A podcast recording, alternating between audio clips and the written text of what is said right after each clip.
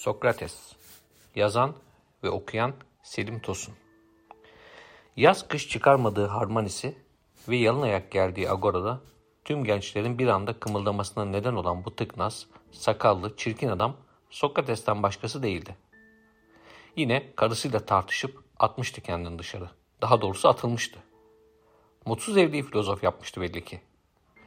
Bu saygılı ilgiyi uzaktan izleyen geniş omuzlu, yakışıklı, genç olimpiyat sporcusu. Henüz 20 yaşındaki Aristokles için için imrenir ve şaşırırdı bu duruma. Bu fiziksel görünümle nasıl bu kadar popüler olabiliyordu Agora'da? Kendisine geniş omuzları nedeniyle Platon diyorlardı. Onun da ilgisini çekiyordu bu çirkin adam. Aldığı edebiyat ve felsefe eğitimi de yaklaştırıyordu onu bu adama. Döneminin Shakespeare denilebilirdi Platon'a. Sokrates'le tanışmasından sonra yakmıştır lirik şiirlerini. Rahatsızlık veriyordu Sokrates girdiği çevrelere. Bu nedenle at sineği diyordu kendisine. Uyanık ve diken üstünde tutuyordu etrafındakileri. Ve özellikle de politikacıları ki sonunu da bu getirmişti. Genç Platon saygıyla katıldı bir daha ayrılamayacağı hocasının sohbetine. Politikacı olmak isteyen bir genç adamla konuşuyordu. Daha doğrusu sorular sorup yanıtları dikkatle dinliyordu. Ben hiçbir şey bilmiyorum diye başlamıştı yine. Verilen her bilgiye mütevazi bir kuşkuyla yaklaşıyor, sorular sorarak düşüncelerin dökülmesine olanak sağlıyor, başka bir deyişle düşüncelere ebelik yapıyordu. Düşünceler ortaya dökülüp yeni kavramlar ortaya çıktıkça ustaca kavram tanımlaması yapılmasını sağlıyor. Böylece herkesin aynı kavram üzerinde aynı anlayışa sahip olmasını sağlıyordu. Tartışma derinleştikçe örnekler ortaya koyuyor, tüme varım ve tümden gelim yöntemlerini ustaca kullanıyordu.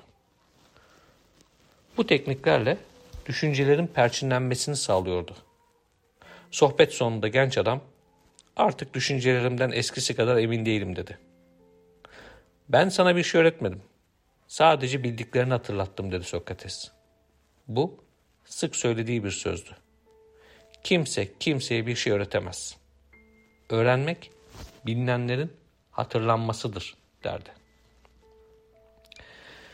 Günler geçtikçe düşünceleri Atina'nın ileri gelenlerini rahatsız etmeye başlamıştı. Kendi tabiriyle at sineğine daha fazla tahammül edemediler ve bin yıllardır hiç değişmeyen, her zaman tutan suçlamalarını yaptılar. Dinsizlik. Gençleri inançsızlığa teşvik ediyor ve ahlaki yolsuzluğa neden oluyordu. Uzun uzun yargılandı. Kendini savundu. Tüm yaşamımda, özel olsun genel olsun, bütün davranışlarımda hiç değişmedim. Öğrettiklerimi lekeleyenlere de, başkalarına da doğruluktan ayrılarak alçakçasına boyun eğmedim. Sürekli öğrencilerim olduğu iddiası da doğru değildir. Ben bana düşeni yerine getirmeye çalışırken genç yaşlı kimseyi geri çevirmedim. Yalnızca bana para verenlerle konuşmadım. Zengin, yoksul herkes bana soru sorabilir, yanıt verebilir, sözlerimi dinleyebilir. Fakat bundan sonra o kimse iyi ya da kötü bir insan olduğunda her ikisini de bana yüklemek haksızlık olur. Çünkü ben ona ne bir şey öğrettim ne de öğreteceğime söz verdim. Bir kimse benden başkalarının işitmediği, değişik bir şey öğrendiğini ya da duyduğunu ileri sürerse bilin ki yalan söylüyor. Atinalılar oyladı ve az bir oy farkıyla suçlu olduğunu ilan etti. Sıra cezanın belirlenmesine geldiğinde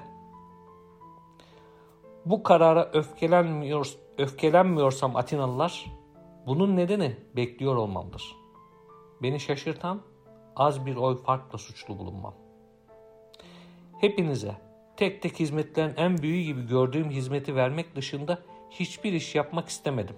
Ve hepinizi tek tek kentin işleriyle ilgilenmeden önce kendinizle ilgilenmeye, erdemli ve bilgi olmaya çağırdığım için ne hak ediyorum? Bence bir ödül. Kimseye zarar vermediğime kesinlikle emin olduğuma göre cezalandırılmayı hak ettiğimi söyleyip kendime bir ceza önermek istemedim. Neden korkayım ki? Meletos'un önerdiği cezayı çekmekten mi? Bunun iyilik mi yoksa kötülük mü olduğunu bilmediğimi söylediğime göre. Belki de biri şöyle diyebilir. Ne var ki Sokrates? Dilini tutup otursan yaşayamaz mısın sürgünde? İşte aranızdan bazılarına anlatılması en zor şey bu. Çünkü bunun Tanrı'nın sözünü dinlememek olduğunu ve bu yüzden rahat durmadığımı söylediğimde bana inanmayacaksınız. Size bir insan için en büyük mutluluğun erdem konusunda söyleşmek, kendini ve başkalarını sınamak olduğunu söylersem, araştırmasız bir yaşamın yaşanmaya değmediğini savunursam daha da az inanacaksınız bana. Kendisine ceza değil, tıpkı olimpiyat kazananlara verildiği gibi ömür boyu ücretsiz yemek ve yatak verilmesi gerektiğini söyledi. İlla ceza verilecekse de sahip olduğu az miktarda bir parayı önerdi Sokrates. Sürgün edilmesi ve felsefe ile ilgilenmesinin yasaklanması da ceza seçenekleri arasındaydı ama o bunu kabul etmedi. Ceza oylandı ve bu sefer daha büyük bir farkla ölüme mahkum edildi. Bakın az daha sabredemediğiniz için Atinalılar neler denecek sizin için.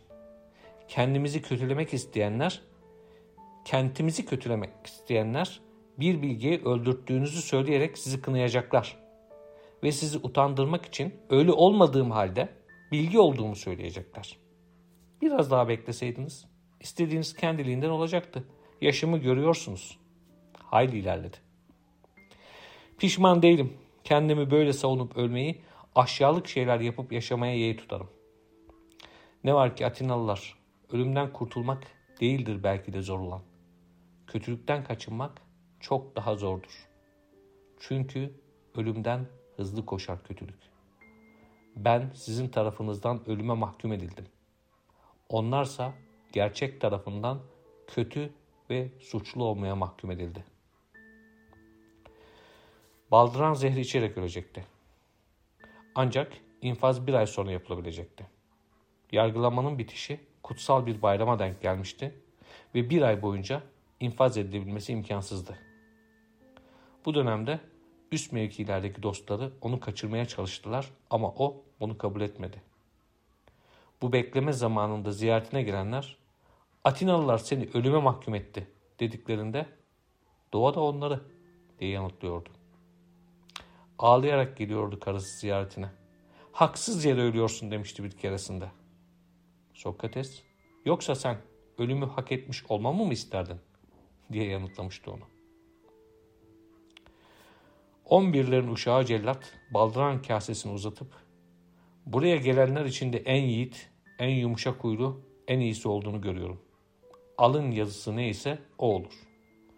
Mümkün olduğunca tahammüllü ol dedi ve arkasını döner dönmez gözlerinden yaşlar süzüldü. Herkes ağlıyordu. Kızdı Sokrates. Ölürken uğurlu sözler gerek dedi. Korkmadan ve hiç tereddütsüz içti zehri.